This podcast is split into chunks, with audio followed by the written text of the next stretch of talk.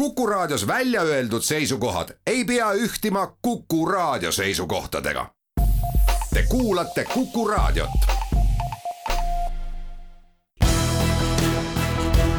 olukorrast ajakirjanduses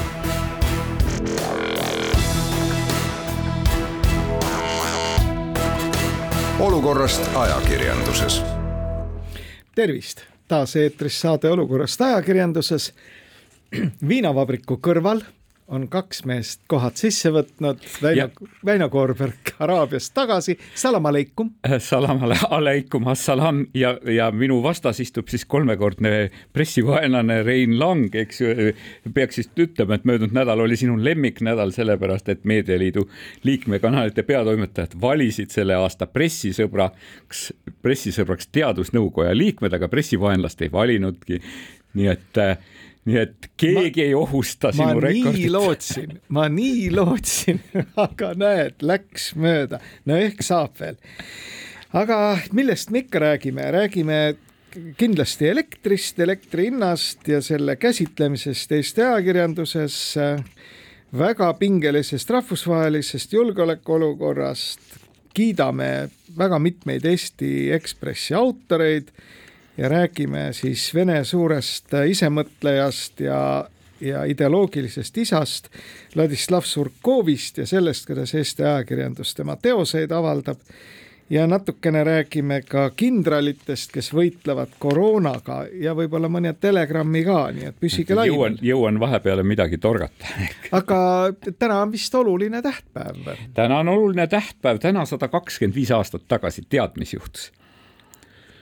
Jaan Tõnisson hakkas täna sada kakskümmend viis aastat tagasi Postimeest toimetama. täitsa tähelepanuväärne päev. ja tegelikult, kui me nüüd läheme ajalehes tagasi, ajas, ajaloos tagasi, siis kaheksakümmend üks aastat tagasi pandi Jaan Tõnissonil käed raudu, viidi ära teadmata suunas, nii et, et tuhat üheksasada nelikümmend nii eh, lõppevad suurmeeste saatused. no vot, ei tahaks olla küll küüniline, aga tervitame selle teada, teadaandmisega siis Postimehe peatoimetajat Mart Jaavikut kena, aga lähme elektri hinna juurde. no oli ju kena küll, et tulin tagasi, vaatasin, et vaatasin, et, et elekter on ikka väga kallis, isegi päike oli miinimumi peale lülitatud siin Eestis, eks ju, ja, ja külm ja lumi ja löga. no kõva pauk ikkagi käis, et äh, selles mõttes äh,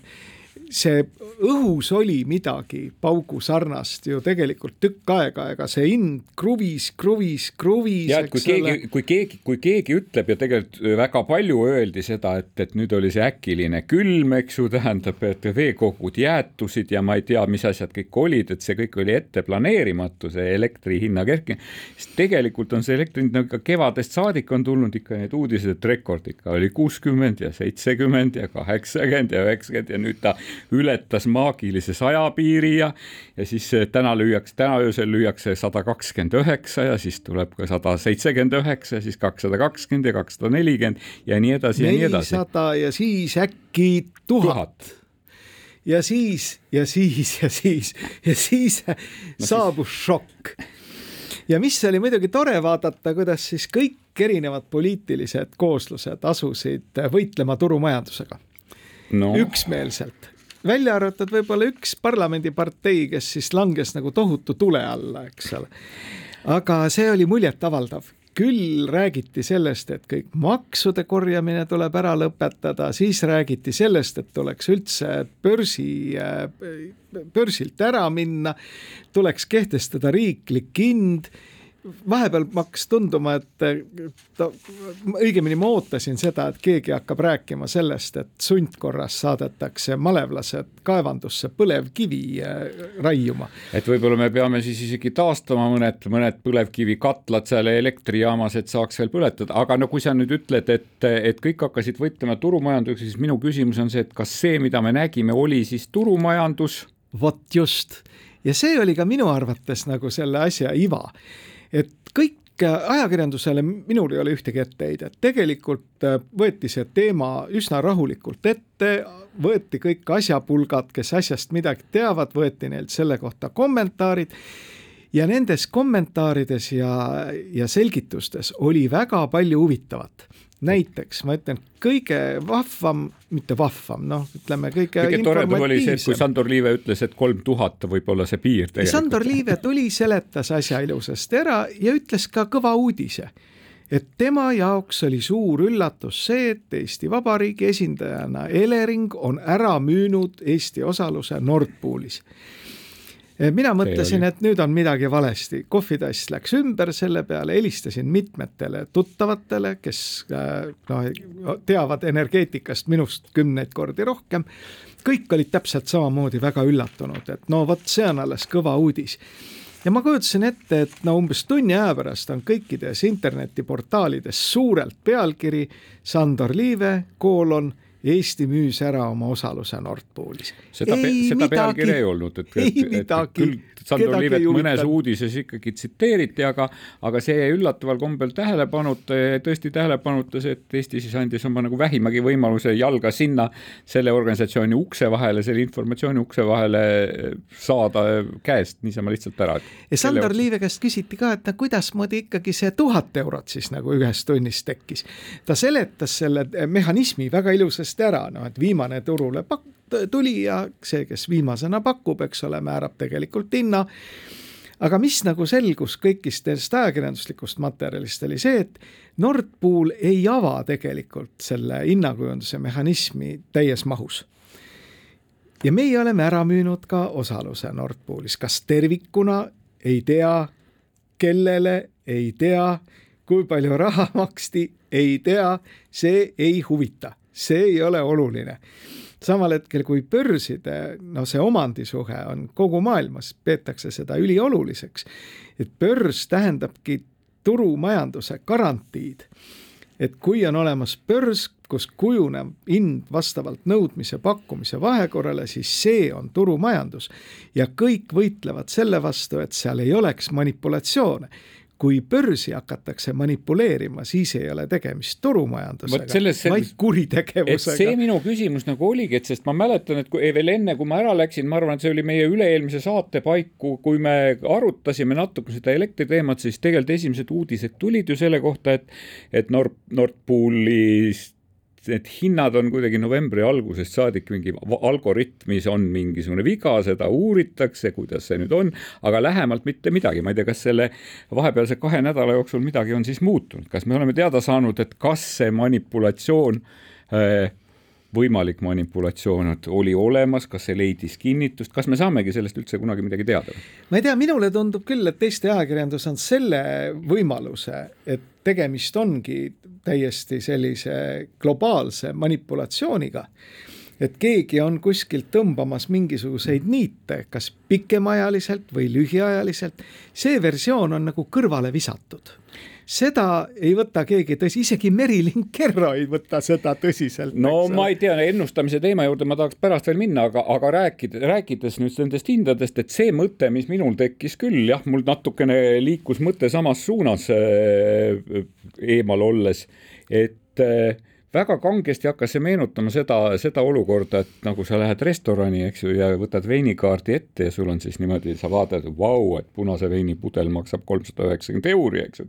vaatad, ai, aga see mingi teine on täitsa kõrval viiskümmend üheksa, täitsa normaalse hinnaga, et kas kõikide selle kergete šokkidega ei tekitatagi meis kui energiatarbijates siis niisugust äh,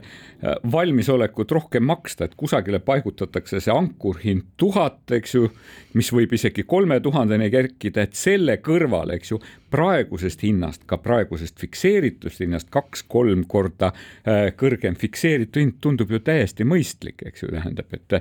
et ma arvan, et kõik energiamüüjad ju praegu tegelikult vaatavad oma lepinguid ja ja, ja, ja, ja mõtlevad, et kuidas uuel, nii energiamüüjad kui energiaostjad vaatavad oma lepinguid ja ja mõtlevad, et energiamüüjad, et kuidas nagu saaks seda keskmist hinda kergitada, et see väga meenutas sellist olukorda. no siinkohal elektri abil kaubanduslikke teadaandeid olukorrast ajakirjanduses.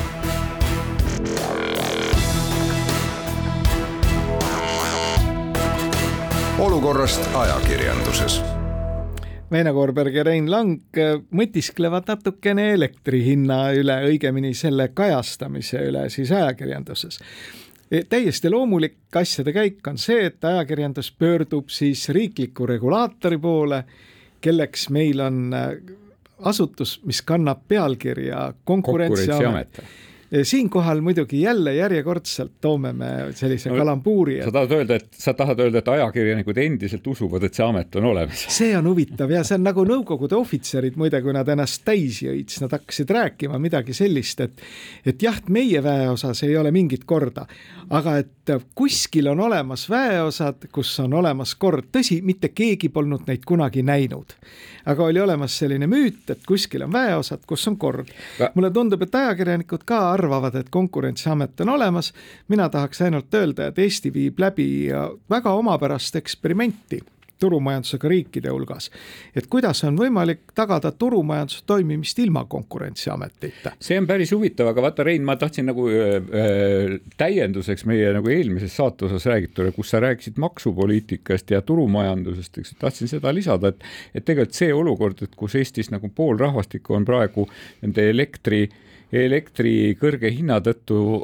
peab kirjutama avaldusi toimetuleku toetuse jaoks, et see ei ole enam sotsiaalpoliitika küsimus, see on juba maksupoliitika küsimus, eks ju, ja see tegelikult, see tegelikult ootaks valitsuselt mingisuguseid selgeid samme, et noh, eeskuju selleks, eeskuju selleks oli olemas meil Norra näol, kes teatas, et tema tegelikult hüvitab kodanikele detsembrist märtsini kõigile kodutarbijatele üritab poole elektriarvest nende tundide eest, et kui hind on kõrgem kui seitsekümmend eurot megavatt-tunni eest ja iga majapidamise peale hüvitatakse siis kuni viis megavatt-tundi ehk siis viis tuhat kilovatti kuus. Et kujutad, kujutad ette päris, päris niimoodi korralik see hind seitsekümmend eurot no, megavatt-tunni eest, et ma mäletan, ma sellist hinda enam nagu ei mäletagi, täna on see mingi kakssada pluss praegu täna vist meil siin. pult on kuum, näen. ma natuke tuletaksin sulle meelde, et Norra riiklik naftafond ehk areng, see on, ma ei, ma isegi ei mäleta, kuidas nad seda fondi kutsuvad, sinna läheb märkimisväärne osa nendest naftatuludest, mida saadakse siis Norra gaasi- ja naftamaardlate käitamise eest. see on nii suur, et Norra võib endale sellist asja lubada. meil pole ei gaasi ega naftat, niisugust asja lubada. no meil on Euroopast trükitud odav raha ühtepidi vist selles no ega nüüd seda raha lõpmatuseni ei ole, nii et mulle tundub, et ega siis selles olukorras, kus täna ollakse, on see, mida Eesti valitsus on teinud, on suhteliselt mõistlik, ta on öelnud ju seda, et aidatakse eelkõige neid, kes on sattunud raskesse olukorda, mitte ei tehta mingit lausalist kinnimaksmist, aga tuleks nüüd korra ikkagi selle konkurentsisituatsiooni juurde tagasi. kui peaks olema meil mingisugune amet, mis siis teostab järelevalvet eh, energiahindade üle, eh, loomulikult võetakse selle juhi käest siis mingi kommentaar, noh, sealt me saame jälle niisugust vastust, et oi-oi-oi-oi-oi, mis nüüd küll juhtus. meie pole ka midagi niisugust enne näinud siis ajakirjanduse normaalne reaktsioon sellele peaks olema tegelikult, et oot-oot-oot, nüüd on nagu meie kord vaadata selle asja sisse ja põhjalikult. ja mitte välistada eos seda, et tegemist ongi suurejoonelise manipulatsiooniga. nüüd, mis teeb mind väga ettevaatlikuks selles asjas? punkt üks, see kõik elektri hinna tõus sõltub kindlasti mingil moel ka gaasihindade tõusust, see, et gaasihindade tõusu aitas tublisti kaasa manipuleerida meie armas idanaaber, kes hetkel koondab mingeid vägesid kuskile Ukraina kõrvale. see on inimeste teadvusse jõudnud. et teisipidi, teisipidi nagu mõlemat, mõlemast suunast räägitakse võimaliku jõulana Nord Stream kahe teemat, eks ju, et Euroopa Liit lubab hakata Venemaad pitsitama Nord Stream kahega. Putin jälle lubab, et keerab gaasikraani kinni, eks ju, kui te meile ei meeldi, et see on väga aktuaalne teema. näiteks ka see, et Venemaal on kuussada miljardit äh, reservis tänasel päeval ju ta võib mõnda aega elada ka ilma nende gaasimüügist saadud tuludeta nii et gaasi hinna suhtes ma kujutan ette, et ka Eesti keskmine meediatarbija noh, saab aru, eks ole, et siin on nagu geopoliitilised sammud Venemaa poolt selleks, et pigistada Euroopa riike, Euroopa ühiskonda no. aga elekter et miks me siis arvame, et need tootmisvõimsuste, suurte tootmisvõimsuste samaaegne käigust äraolek, kui kõik teavad seda, et niikuinii on asi süsteem defitsiidis, kuna ei ole hüdroenergiat sealtsamast Norrast tulemas, tuult on vähe, eks ole, rohepööre, päikest on vähe tuhat viissada megavatti paneme remonti, eks ole, et kas seal ei ole, ei hakka kellelgi nagu kellukesed helisema. aga no küsimus ongi selles, et kes seda kõike planeerib ja teisipidi noh, mm, minu meelest oli see Kalle Muuli, kes, kes avalikult ütles välja, et, et, et kui tema on vaadanud rahandusministeeriumi prognoose, siis ta on näinud selle kohta, et on tehtud prognoos isegi aastani kaks tuhat viiskümmend või kaks tuhat kuuskümmend on prognoositud, milline saab olema siis keskmine palk ja milline saab olema pension, eks ju, ja kui hästi me elame ja kui, kui, kui kõrge on keskmine eluiga ja kõik on nelikümmend aastat ette planeeritud ja nüüd selgub, et me ei ole nagu suutnud suvest saadik vaadata ja ei ole suutnud viis aastat tagasi vaadata. ja nagu sa ütlesid, vist seitse aastat ei ole Äh, Eestisse ühtegi normaalset arvestatavat energiavõimsust juurde lisandunud. jah, seitse aastat ei ole et, tegelikult et ühtegi arvestatavat. planeerijad nüüd on, et mulle nagu tundub, et majandusministeeriumis peaks olema planeerijaid, rahandusministeeriumis peaks olema planeerijad, Eesti Energias kõikidel juhtimistasanditel peaks olema ju mingisugune planeerija, Elering ja kõik, kõik energiatootjad, et kus see nüüd on. me näeme ju ainult seda, et ainukesed uudised sellest vallast on olnud see, et, et kus jälle jäi tuulik radarile ette, kus jäi tuulik Kureparvele ette, kus tekitas tuulik koha, kohalikes elanikes ärevust. kus on asi kohtus.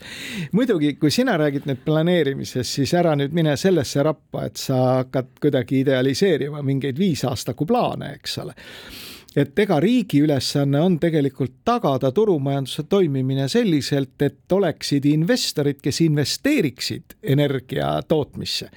aga mis sa siin investeerid, kui puudub igasugune kindlus, kas sa saad siis midagi teha või ei saa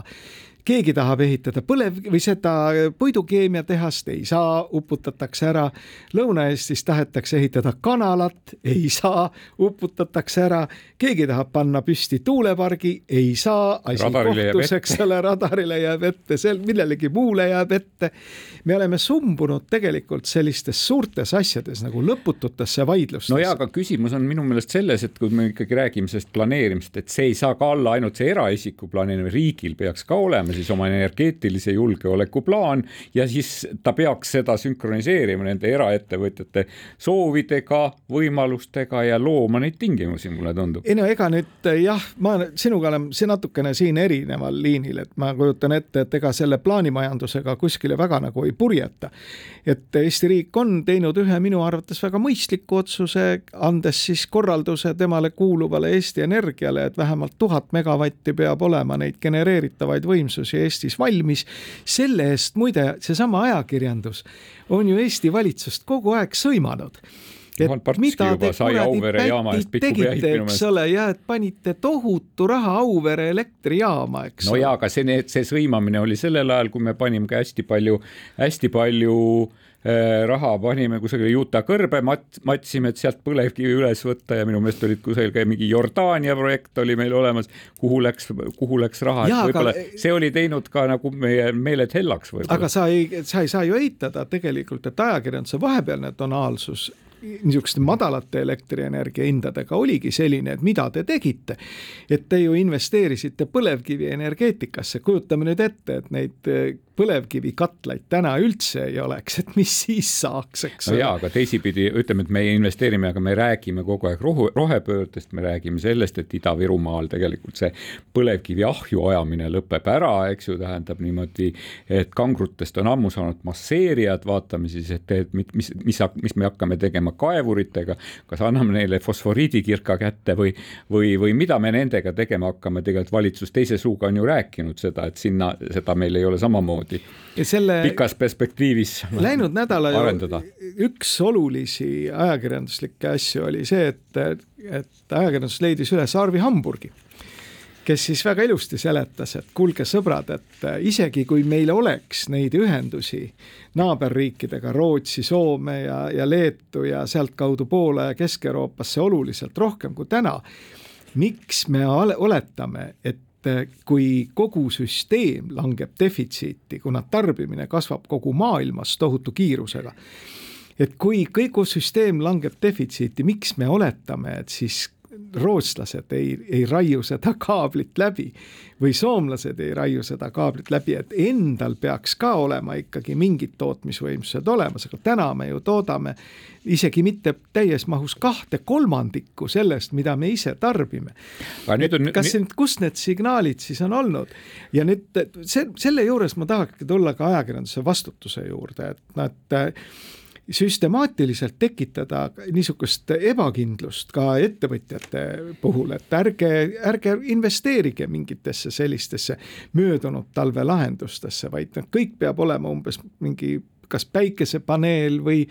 või tuulepark, tuuleparki ei saa rajada, sest et kohalikud elanikud on vastu, eks ole. no jaa, aga ega seda, me nägime, me, me, me on... nägime, nägime seda, et need tuulepargid, eks ju, praegu väga ei tööta, jälle, kui ma usuksin vandenõuteooriat, siis mõtlesin, et, et, et, et praegune olukord mängiks ikka väga hästi kätte eh, nendele ettevõtjatele, kes ikkagi plaanivad Kanada Kanada eeskujul selle väikese reaktori siia kusagile püsti panna, eks ju, mis eh, võib-olla isegi töötaks. aga noh, ma ütlen, probleeme on ju tulemas veel, mulle tundub, et meid ikkagi valmistatakse ette siin selleks kolmeks tuhandeks ka, me tahame, me kavatseme ju lahkuda siin sellest Vene mõjusfäärist ka elektrienergeetikas, eks ju, et millised tagajärjed sellel võib, võib olla. me oleme tegelikult, mina olen küll ajakir, Eesti ajakirjandusest lugenud ka sellega seoses väga tugevaid probleeme, ka julgeolekulisi ja energia, energiajulgeolekulisi probleeme seoses selle lakkumisega ja seoses selle olemisega. et, et kui me nagu praegu näeme, et seda ettenägemisvõimet on nii ahtalt, et kas sa... me, kas me võime kindlad olla, et, et siis sellel hetkel, kui sellest süsteemist see rubilnik, see rubilnik, kuhu peale on kirjutatud rubilnik äh, välja lülitatakse, et, et siis süsteemid töötavad ja me päris pimedasse. aga kas sa äkki ei arva, et äh, mõningate selliste üsna laiade ressurssidega asutuse jaoks, kelle paiknemine on äh, üle idapiiri, on ju see tegevus, põhikirjaline tegevus, et ajadagi sellist juttu Eestis, Lätis, Leedus et mida te konnad nüüd jamate, eks ole, et hoidke ikkagi see meie toru lahti, et me ju tarnime teile kindlasti elektrit ja mõistliku hinnaga ja gaasi puhul teeme teile ka võib-olla seal viis protsenti hinnaalandust ja mida Omadele iganes. ja ärge selle Rail Balticuga jamage, sellepärast et meie rööpmelaiusega raudtee on igal juhul parem, selle kaudu saab ka tankel siirdada Kaliningradi, kui tarvis on ega siis see sõjakäi-, sõjapidamise meetod pole kuskile kadunud, tuleks see... ära tunda need tüübid, kes sellist juttu ajavad. seda, seda kindlasti, aga, aga see, see sinu, ütleme käeviibutus minu kui võimaliku Kremli mõjuagendi suunas. Ei, ei tühista seda, mina, mida mina ütlesin, ma küsisin, et kas meil on piisavalt analüüsitud seda olukorda, eks ju, kas me oleme valmis? Käeviibutus oli tingitud hoopis teisest asjast, aga siinkohal kaubanduslikke teadaandeid. olukorrast ajakirjanduses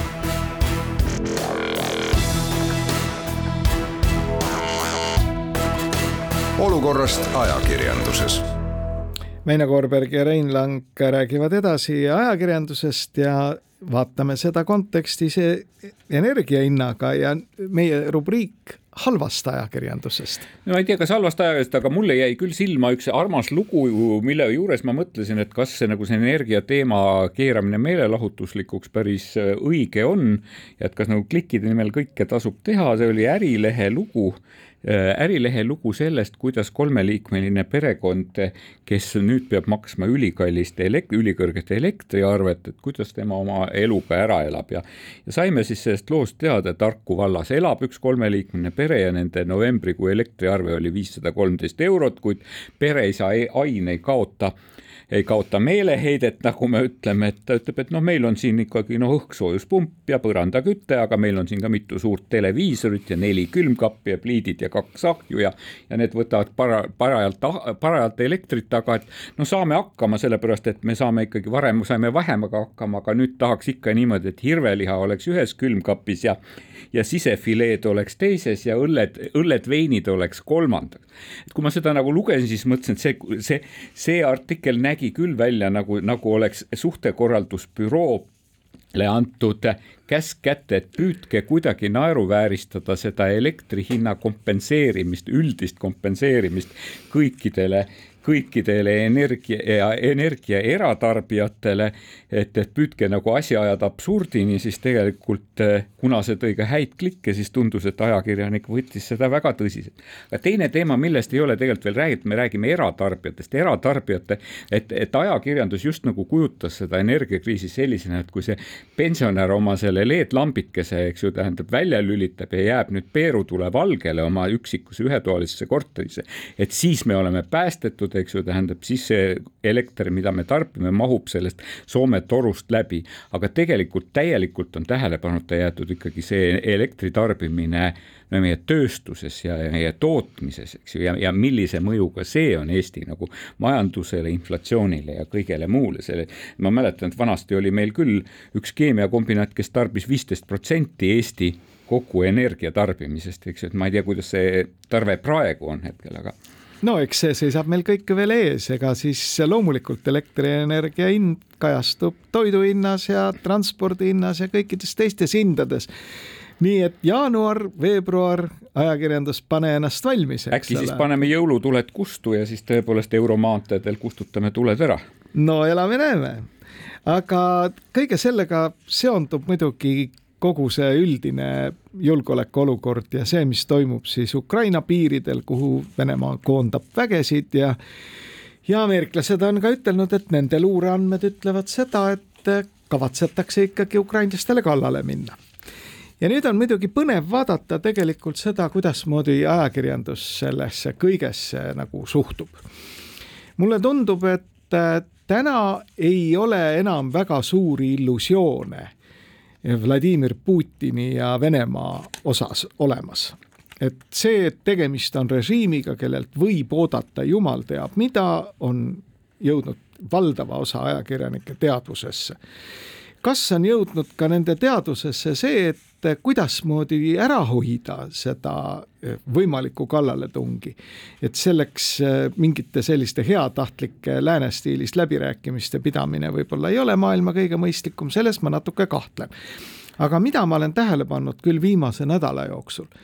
on see, et see hirmu õhutamine, mis ongi tegelikult Kremli eesmärk, et see eesmärk hakkab vaikselt täituma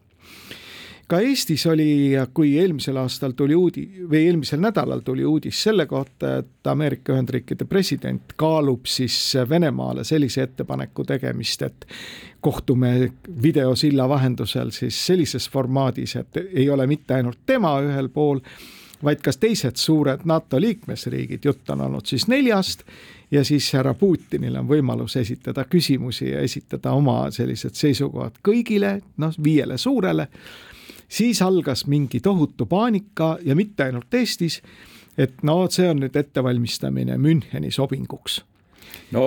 Rein, et enne juba, kui sa rääkisid, tahtsin su monoloogi ajal peaaegu siit katkestada selles osas, et mulle jäi, jäi mulje nagu, et Putiniga läbirääkimisi peab Eesti ajakirjandus, et ma ei ole päris selles mõttes kindel ja, ja see, selle teema, ütleme selle õhkkonna äh, õhkkonna tekitamine ja selle, sellel teemal sõna võtmine ei ole nagu olnud ajakirjanduse ainuülesanne, ajakirjandus on ikkagi vahendanud ja kajastanud ka tegelikult ka poliitikute väljaütlemisi ja sedasama hirmu tekitamist, eks ju, teatavat stressi, närvilisust eh, võis tajuda tegelikult ikka ka poliitikute väljaütlemisest, et see ei olnud ainult ajakirjanike ei, see on nagu tõsi. Ja et ega ma ei ütlegi, et see on nagu ajakirjanduse probleem, et Eesti poliitikud täpselt samamoodi on selle Müncheni narratiivi lauale pannud olnud väga jõuliselt. nüüd vot see on see, mida nagu venelased kõige rohkem ootavad, et tegelikult tek-, tekiks lääneliitlaste vahel usaldamatus et nemad saaksid tegelikult jaga ja valitse põhimõttel rääkida ükshaaval läbi siis sakslastega, prantslastega, ameeriklastega, jumalt itaallastega, kellega no, iganes, ka ole. Gotlandi ära jagada siis. ja siis, siis jah, igale ühele nii-öelda jaga ja valitse põhimõttel tekitada mingi olukord, kus iseendale siis kaubelda välja veidikene paremaid tingimusi nüüd, kas on võimalik mingisugune Müncheni stiilis sobing, et meenutame, et kolmekümne kaheksandal aastal tõesti toonane Suurbritannia peaminister Neville Chamberlain astus lennukist välja, lehvitas mingit paberilipakat ja ütles, et ma tõin teile rahu ja ei saanudki lõpuni aru, et äh, Adolf Hitler oli tal lihtsalt naha üle kõrvade tõmmanud seesama kas..., seesama stseen tuli mulle meelde, mulle tuli see äh, Churchilli film, mis see nimi oli, Darkest Dark, Hour. The Darkest Hour, jah. tuli, tuli, tuli kohe seoses sellega meelde, mõtlesin, et kas on reaalselt, aga kas need, kas need hirmud on siis irratsionaalsed, et sa ütled, et ei ole midagi võimalik, no täpselt samamoodi me arvasime ka, et, et energia hind ei saa ju kasvada, jätke järele sada, sada eurot megavatt ei ole võimalik ju lihtsalt, see hind ei kasva kunagi selliseks. ei, ma arvan, et eluterve suhtumine ongi tegelikult selline, et eh, midagi ei maksa välistada, et ratsionaalse et, mõtlemise et, puhul alati tegelikult tuleb ka arvesse võtta kõige jubedamaid stsenaariume et see ongi ratsionaalse mõtlemise üks tohutuid eeliseid, et sa võtad kõikvõimalikud asjad lauale. nii et kindlasti, aga see ei saa olla nagu valdav ja ei saa olla niimoodi, et, et no nüüd me, me kütame üles sellist hüsteeriat, et me peame nagu mingite väikeriikidega siis kehtestama järelevalve Ameerika Ühendriikide presidendi üle, sest äkki muidu tal tekib kiusatus meid maha müüa, eks ole. et selline usaldamatuse õhkkond, see on kindlasti Kremli kõige suurem huvi tänasel päeval ja meil pole mõtet ju Kremli huvides ise nagu tegutseda, et katsume kuidagi säilitada seda külma pead et seda selles mõttes olen, olen sinuga nõus, et jälle teine tähelepanek, mis mul endal ajakirjanduse suhtes oli, et, et äh, oli teatavaid momente, kus mulle ikkagi tundus, et sellest hirmu, sellest hirmuõhkkonnast tehti ka teatav nagu meelelahutus, et ehk et, et juba nagu niisugusest äh, no mõnuvärinast tegelikult tulid need sõja ootamise lood tegelikult sealt Ukraina, Ukraina-Venemaa piirilt, eks ju. et võib-olla sellega peaks ka olema tagasihoidlikum ja natukene rohkem analüüsi pakkuma. ja sellega ma olen küll väga päri, et ma olen korduvalt ka oma selles, selles saates ju öelnud, et et tundub, et on ajakirjanikke, kes nagu ootaksid, et tuleb mingisugune tõsine konflikt, et siis saab ise kangelastegusid rindel sooritada ja ja siis sõda kajastada oma väljaannetes, et äh, katsuks kuidagimoodi siis teha nii, et, et väljaannete peatoimetajad sellist mõtteviisi nagu ohjaksid. aga e, see sõja puhkemine oht on, kas ta on nüüd tõeline või on tegu lihtsalt närvide mänguga ja viiekümnel protsendil juhtudel ongi vastus õige. jah et võib, võib minna nii ja võib minna naa, nii et tark oleks kindlasti olla valmis mõlemaks stsenaariumiks ja minule väga meeldis muuseas jällegi läinud nädala Eesti Ekspress, kus siis Indrek Lepik mõtiskleb selle üle, kas Ukrainas on olemas see viies kolonn. ja pealkiri on tal ka ju pandud ja, et Ukrainas pole viiendat kolonni, kuid Venemaad see ei heiduta ja autor arvab, et venelased võivadki teha selle valearvestuse, arvates, et Ukrainas on üsna suur rahulolematus neil täna olemasoleva võimuga ja siis mul äkki meenus see tuhande üheksasaja üheksakümne esimene aasta, kus siis noh, üdini bürokratiseerunud KGB kirjutas ju ettekandeid rohujuure tasandil, nagu hästi on kirjeldanud Hašek seda Šveigis, et et sandarmi vahtmeister saatis kogu aeg teele aruande, et rahva meelsus on kaks B. Ja siis jõudisid need kõikvõimalikud ettekanded siis mingi koondina KGB ülema Krutškovi lauale, kes siis arvas, et nüüd on õige aeg sooritada putš, sest et märkimisväärne osa Nõukogude Liidu elanikkonnast toetab putši, eks ole. et, et samamoodi võib olla jah, selle bürokratiseerunud FSB-ga, et kogu aeg kirjutatakse mingeid ettekandeid, kus siis Kremli peremeeste lauale jõuavad teated, et Ukrainas on mingi osa ühiskonnast, kes nagu pingsalt ootabki venelaste sissetungi, et kõrvaldada siis rahvavaenulik valitsus. ja sellega võidakse panna rängalt mööda. aga Eesti Ekspress meeldis sulle ikka päris, päris mitmel põhjusel. väga-väga meeldis, see eelmine ajaleht meeldis mulle kohe väga, siin on, mul on ta praegu ees, see on suurepärane lugu Sami Seppesest, minuga heast tuttavast, väga mõnus siis on mis on väga tähelepanuväärne kirjutis minu meelest on Andrei Hvastov on analüüsinud seda, kuidas Portugalis ja Itaalias võideldakse koroonaviirusega, õigemini siis vaktsineerimise eest sõjaväelaste jõududega. ehk siis mõlemas riigis on pandud vaktsineerimise eest vastutama kindral ja on saavutatud märkimisväärset edu et see on, ei, sõjavägi on tavaliselt efektiivne, ma lugesin ka seda lugu ja, ja mul oli, mul tekkisid nagu kahetised tunded sellega seoses, et mul tekkisid alati need tunded, et kas, kas koroonakriisist saab kõige paremini läbi eriolukordi kehtestades, eks ju, ja sõjaväelisi võtteid kasutades ja kas me tegelikult sellega rohkem kaotame või võidame, et mulle väga sügava mulje jättis tõesti see, kuidas need kõrged sõjaväelased oma isikliku karismaga, oma isikuga, eks ju, suutsid inimesi eh, veenda, eh, suutsid, eks ju, mingi idee läbi suruda, aga, aga teisipidi nad pisut, pisut ohutunnet tekitas minus ka ikkagi nagu sõjaväe lubamine selle asja juurde, et tegelikult mina tahtsin tähelepanu juhtida Martin Ehala arvamusloole Postimehes. aga oota sellega üks sekund, kuulame ära kaubanduslikud teadaanded. olukorrast ajakirjanduses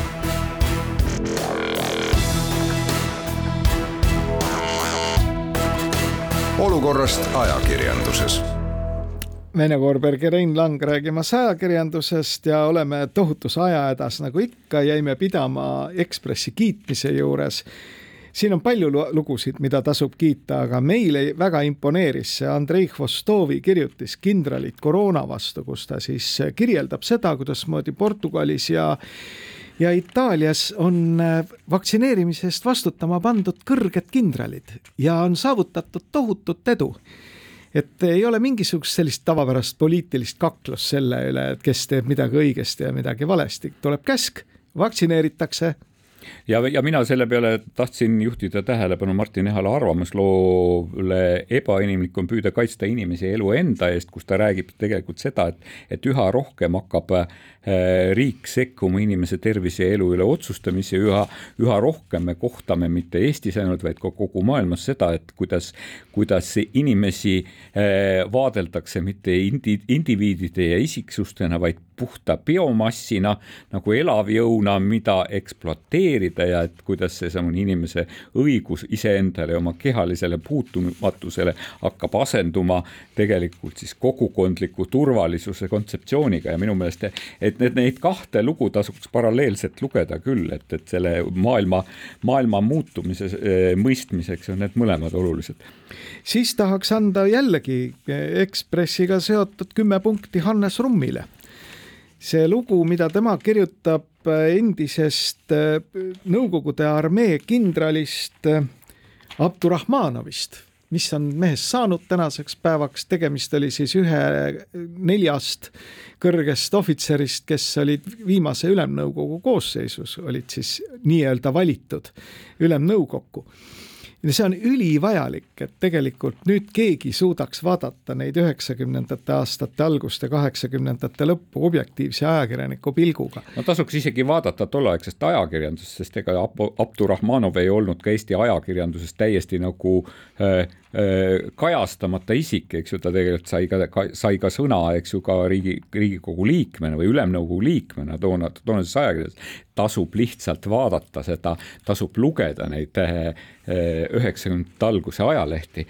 ja siin on eh, ka legend, et just tema ilmumine, et Abdurrahmanovi ilmumine selle juuetäis seltskonna ette, interrindlaste ette viieteistkümnendal mail tuhat üheksasada üheksakümmend üks lahendas selle keerulise olukorra, et kindral tuli kohale, munder seljas, andis käsu, et kuulge, joodikud, siit välja ja kogu lugu, eks ole, et aga noh, nii või teisiti, me tahaks soovida Hannesele palju jõudu kogu selle tegevuse juures. Ülo Nugisest kirjutatud raamat on minu hinnangul muide väga hea raamat. on kirjutatud loetavas keeles, tegemist kindlasti ei ole mingisuguse doktoritöö, tööga ajaloo vallas, aga väga hea ajakirjandusliku sulega kirjutatud raamat ühest Eesti omaaegsest tipp-poliitikust ja väga värvikast isiksusest, nii et teeme sellele raamatule tegelikult natukene siin võib-olla reklaami ka. no eks teate, reklaami võiks teha ka Tarmo Vahteri raamatule Pätsi tõusu ajastust, mis on äsja ilmunud ja tegelikult sel nädalal peaks esitatama veel ka skandaalne skandaalset romaani Postimehe endise peatoimetaja Peeter Helme sulest Kirka valguse pimestav sära, mis peaks rääkima sellest, et kuidas näeb välja kahekümne esimese sajandi teise kümnendi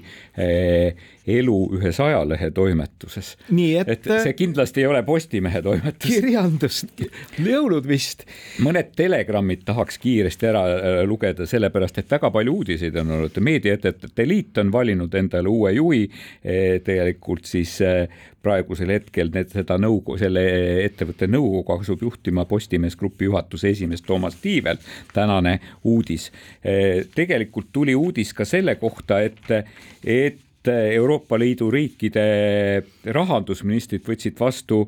Euroopa Liidu käibemaksudirektiivide muutuse ja, ja, ja nüüd on tegelikult liikmesriikidel õigus ajakirjandusele, digiperioodikale ja ka raamatutele eh, kehtestada käibemaksu nullmäära. Eesti Meediaettevõtete Liit on seda ka tegelikult selle palvega pöördunud rahandusministri poole, aga ega väga vist väljavaateid ei ole, sest rahandusminister ütles, et, et kui me siin raamatute käibemaksu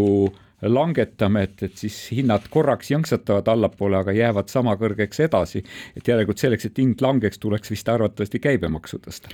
no ja ka mina tahaks ühineda selle poliitilise liikumisega, kes, kelle teesiks on, et maksude kogumine tuleb lõpetada ei, maksude kogumine tuleb lõpetada, aga kui ma lihtsalt vaatan raamatu hinda poes, et siis ma tahaksin tõepoolest nutta. tuli kaks väga sihukest vastuolulist uudist, ühtepidi just nagu rõõmus uudis selle kohta, kuidas Postimehe fond kavatseb veebruaris jagada äh, välja kahekümnes kategoorias oma ainult Jaan Tõnissoni ajakirjanduspreemiat ja, ja tegelikult ka ajakirjandusauhindu ja, ja selle auhinnafond sellel on kuuskümmend tuhat eurot. see oleks suurepärane uudis selle hea ajakirjanduse edastamiseks, kui täpselt samal ajal oleks tulnud teist uudist sellest, et Postimees on teatanud, et ta lahkub sellest Eesti ajalehtede pressipreemiate süsteemist, eks ju, sellest üldisest, et mis ka on aasta alguses vaadates tagasi, et mis Eesti ajakirjanduses kõige paremat on olnud eks ju, ja määratakse, määratakse, mitte määratakse, žüriid istuvad koos ja püüavad siis välja selgitada, kes on kõige parema uudisloo, arvamusloo ja, ja, ja, ja mis iganes kategooria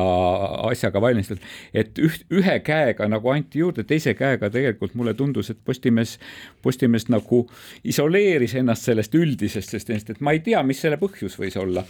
no eks see vist on Eestile täna omane, igaüks omas karbis. et, et, et kui sa, et kui sa ühel aastal ei saa piisavalt palju esikohti, eks ju, siis sa järgmine aasta olümpiale ei lähegi enam, eks ju, ja ütled, et sa, et sa kuulutad välja omaenda hea tahte mängud, nagu sa mäletad. jaa, see on väga mõistlik. et, et ühtepidi on halb, et tegelikult ma küll loodan, et, et, et nüüd, kus, nüüd, kus eh, Toomas Tiivel on sellesama Meediaettevõtete Liidu nõukogu esimees, et võib-olla ta siis astub tugevamaid samme taas nagu integratsiooni suunas, sest vahepeal mulle tundub küll, et Postimees on natukene omaette hakanud hoidma nendes küsimustes rääkima. üks tähelepanek veel, et sattusime aja ette, nagu ikka, Eesti Päevaleht siis läinud nädalal lülitas Vladislav Surkovi artikli Venemaa peab edasi laienema mida võiks kokku võtta siis tema enda lausega, et Venemaa peab laienema, sest see, kas see ei ole mitte hea ega halb, see on lihtsalt füüsika, füüsika.. füüsikaseadus, jah. Tegemist on siis Vene sellise no mustasajalisuse musternäidisega, kellest arvatakse, et ta on ka mõjutanud siis Venemaa juhtkonda ja Venemaa juhtkonna mõtlemist kas see on nüüd hea või halb, selliste arvamusartiklite avaldamine, mina arvan, et see on pigem hea, sest et oma vaenlast peab tundma ja, ja me peaksime nagu teadma, mida siis kõikvõimalikud idaideoloogid mõtlevad. aga sellel on ka teine külg ehk ma arvan, et kui nüüd keegi veel hakkab õiendama, et Mein Kampfi ei tohiks nagu trükkida ja ei tohiks raamatupoes müüa, siis no selle niisuguse keelamise võiks ka eos unustada. Eesti on väga liberaalne maa, siin on Eduard Limonovi teosed ka raamatupoes vabalt saadaval ja olgu siis peale aga see peaks siis laienema kõikidele, nii et noh, muidu vastasel juhul on tegemist silmakirjalikkusega. meie siinkohal aga soovime õnne Postimehe peatoimetajale Mart Jaavikule sellest, et möödunud nädalal sai tema Teaduste Akadeemia kõrgema autasu medali olulise panuse eest Teaduse Akadeemia Postimehe ühise teadusnõukoja loomisel ja teadusinfo levitamisel, palju õnne! ja tahaks kiita jällegi Eesti Ekspressi, tahaks kiita Madis Jürgenit ja läinud nädala üks kõige mõnusamaid lugemisi oli kindlasti Ekspressist tema selline kirjeldus Hiiumaa kingsepast Vaasjast kellel on vähe tööd ja ta sisustab oma vaba aega bridžimänguga, on nii kõva käsi, et otsib lausa ajakirjanduse vahendusel endale partnerit ja tahaks Madisele soovida küll väga palju jõudu, et see niisugune lugemine oli kuidagi noh, tegi nagu südame soojaks, et see oli lihtsalt vahva. ja tahaks ka Madisele saata siis tänase loo sellise tervituse. see on. kingsepa anti. meie jah, väliseestlaste loominguline kollektiiv Tuul, Kingsepa anti jah, ega ilmaaegu meile küla moorid tilke ei saada, järgi ei vaata, ei nemad muidu vaid meid mehi noori, teavad me tugevad ja turjad ka. ei Kingsepa Anti ja teisedki poisi, läbi küla agarasti astuvad kõik üheskoos, Kingsepa Anti ja teised täitsa poisid, kuradi jupa, hei siin meie oleme kõik tõsisemad vennad, täis meie võimu, vahvust ja vaimu. laupäeval õhtul aeg-ajalt kerkivad kannad, tööriistad kotti ja kõnnima. ei Kingsepa Anti ja teisedki poisid, läbi küla agarasti astuvad kõik üheskoos, Kingsepa Anti ja teised täitsa poisid, ennustavad eidrid, silmad kui rattad, suud nagu vätrad. proovigu korra ainult laevata meid taad, siis tühjast tüli saab tulema. ei Kingsepa Anti ja teisedki poisid, läbi küla agarasti astuvad kõik üheskoos, Kingsepa Anti ja teised täitsa poisid, kuradi mehepojad küla vahel lähevad, kindlad on jalad, kõrvuti hõõlad, piigad kõik seisatavad, vaatama jäävad, poisse neid vanemaid piiluvad. ei Kingsepa Anti ja teisedki poisid, läbi küla agarasti astuvad kõik üheskoos, Kingsepa Anti ja teised täitsa poisid, kuradi jupa, hei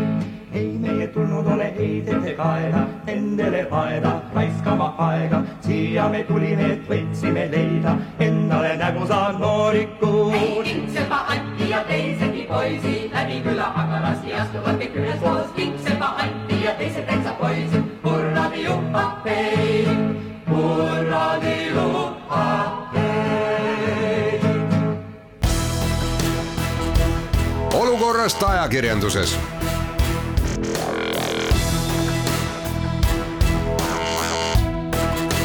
olukorrast ajakirjanduses